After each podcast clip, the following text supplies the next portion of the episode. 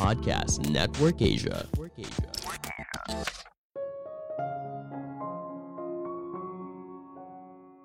Dalam hidup, kita pasti akan mengalami berbagai kekalahan, bahkan ketika kita membuat keputusan terbaik sekalipun.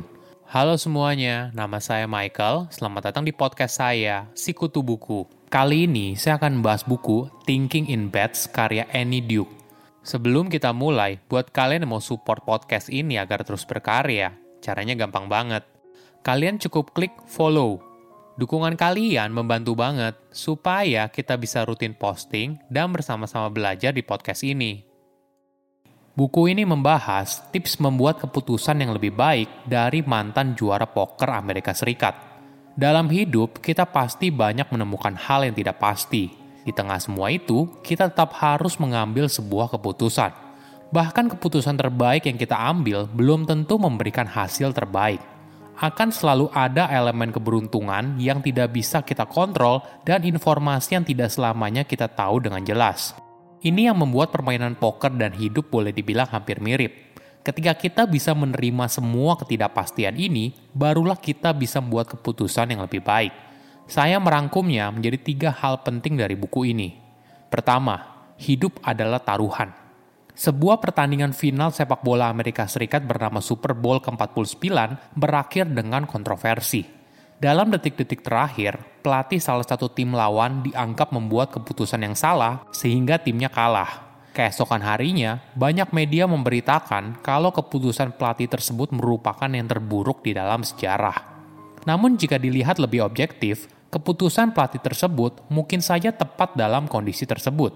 Cuma sayangnya, hasil tidak sesuai dengan harapan. Berapa banyak hal dalam hidup kita berakhir seperti itu. Membuat sebuah keputusan yang kita anggap terbaik cuma hasil berkata lain. Pemain poker profesional menganggap kecenderungan ini sebagai resulting, menganggap kualitas sebuah keputusan sama dengan kualitas hasilnya. Keputusan itu dianggap baik apabila memberikan hasil yang baik, Pemikiran ini justru berbahaya. Tidak jarang, keputusan yang buruk bisa memberikan hasil yang baik. Bisa juga sebaliknya, keputusan yang baik tapi hasilnya malah buruk. Sederhananya begini, tidak ada orang yang pulang menyetir dalam keadaan mabuk dan bangun keesokan harinya menganggap keputusan itu benar karena tidak mengalami kecelakaan. Ini yang harus kita maklumi dalam hidup. Tidak ada keputusan yang 100% benar atau 100% salah hidup boleh dibilang ibarat sebuah permainan poker. Sebuah permainan dengan informasi yang tidak lengkap karena kamu tidak tahu apa kartu yang dipegang lawanmu dan juga keberuntungan. Dari situ, kita lalu bertaruh hasilnya seperti apa. Tergantung pada apa yang kita pikir paling mungkin terjadi. Nah, ketika kamu bisa berpikir seperti ini, kalau keputusan yang kita ambil sama halnya seperti taruhan untuk masa depan, maka kita bisa melepaskan ego kita yang menganggap kalau kita 100% benar atau 100% salah. Kita bisa memulainya dengan bilang saya tidak yakin. Pemikiran ini akan buat kita berpikir dalam hal probabilitas, sebuah kemungkinan-kemungkinan yang tentunya bisa lebih berguna.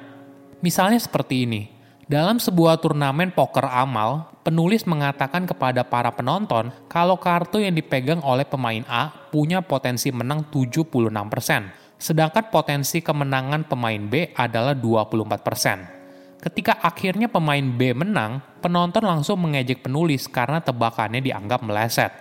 Tapi kalau dipikir lebih dalam, penulis kan bilang kalau pemain B punya potensi menang 24%. Walaupun kemungkinannya lebih kecil, tapi pemain B tetap punya peluang untuk menang. Cuma memang hasil dari prediksi yang disampaikan oleh penulis jatuh kepada peluang yang lebih kecil, yaitu 24%. Kedua, belajar dari kesalahan masa lalu.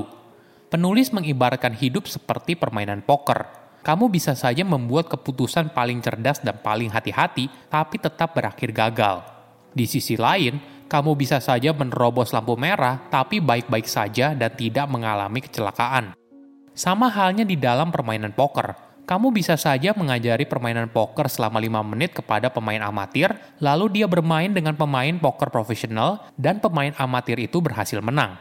Beda halnya dengan permainan catur, di mana permainan itu tidak memiliki informasi rahasia dan sangat sedikit keberuntungan. Ketika kita memperlakukan hidup seperti permainan catur, maka hal itu akan menjadi musibah. Dalam banyak keputusan, kita tidak bertaruh dengan orang lain, tapi kita bertaruh melawan versi diri kita di masa depan yang tidak kita pilih. Ini realita hidup. Kita pasti akan buat taruhan, dan taruhan itu akan membawa kita pada sebuah hasil. Satu hal yang kadang luput diperhatikan adalah faktor keberuntungan. Kita suka menghubungkan keberhasilan orang lain sebagai sebuah keberuntungan, dan kegagalan orang lain sebagai keputusan yang buruk. Hal ini membuat kita tidak melihat dunia dengan objektif. Nah, bagaimana cara membuat keputusan yang lebih baik? Cara terbaik yaitu dengan mengevaluasi kesalahan yang kita buat. Ada hasil yang memang tergantung pada keberuntungan, tapi juga ada beberapa hasil yang berasal dari keputusan yang kita ambil. Sebagai contoh, ketika seorang pemain poker kalah, dia harus bisa dengan cepat memutuskan apakah hal ini terjadi karena dia kurang beruntung atau karena keahliannya dalam bermain poker. Jika hal ini terjadi karena kurangnya keahlian, maka dia harus mengevaluasi bagian proses pengambilan keputusan yang salah. Hal ini memang tidak mudah, karena mayoritas hasil tidak mudah diketahui faktor apa yang paling dominan. Apakah berasal dari keberuntungan, keahlian, atau informasi yang tidak kita ketahui sebelumnya. Ini yang membuat kita sering kali salah dalam menentukan apa alasan dibaliknya.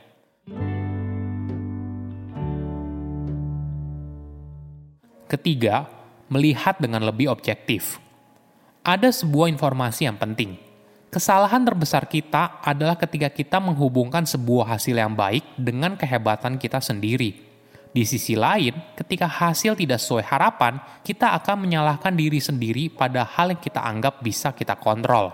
Ini yang disebut sebagai self-serving bias. Namun di sisi lain, ketika kita tidak menerima kalau keputusan buruk yang kita ambil sebagai bagian dari hasil yang buruk, maka kita tidak pernah belajar. Di sinilah kamu perlu kebijaksanaan dalam melihat hal tersebut. Kita bisa belajar untuk menerima ketidakpastian sebagai bagian dari hidup. Penulis memberikan tips apabila kita ingin meningkatkan kemampuan kita dalam mengambil sebuah keputusan, yaitu dengan menjadi bagian dari sebuah grup.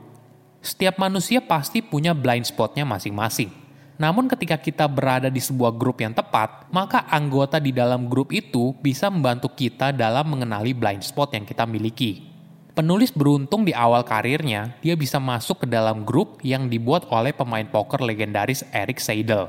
Suatu hari, penulis berkeluh kesah karena sedang berada dalam kemalangan mendapatkan kartu yang buruk. Namun Eric langsung buru-buru menghentikan penulis, karena bergumul pada kemalangan merupakan sebuah kegiatan yang sia-sia. Penulis pun pelan-pelan bisa mengurangi kebiasaan ini dan fokus pada hal yang bisa dia kontrol, yaitu keahliannya dalam bermain poker. Keputusan terbaik bukan berarti pasti memberikan hasil terbaik, tapi keputusan terbaik berasal dari proses pengambilan keputusan yang baik dan memahami setiap pilihan dengan objektif. Saya undur diri, jangan lupa follow podcast Sikutu Buku. Bye-bye. Pandangan dan opini yang disampaikan oleh kreator podcast, host, dan tamu tidak mencerminkan kebijakan resmi dan bagian dari podcast Network Asia. Setiap konten yang disampaikan mereka di dalam podcast adalah opini mereka sendiri dan tidak bermaksud untuk merugikan agama, grup etnik, perkumpulan, organisasi, perusahaan, perorangan, atau siapa pun dan apa pun.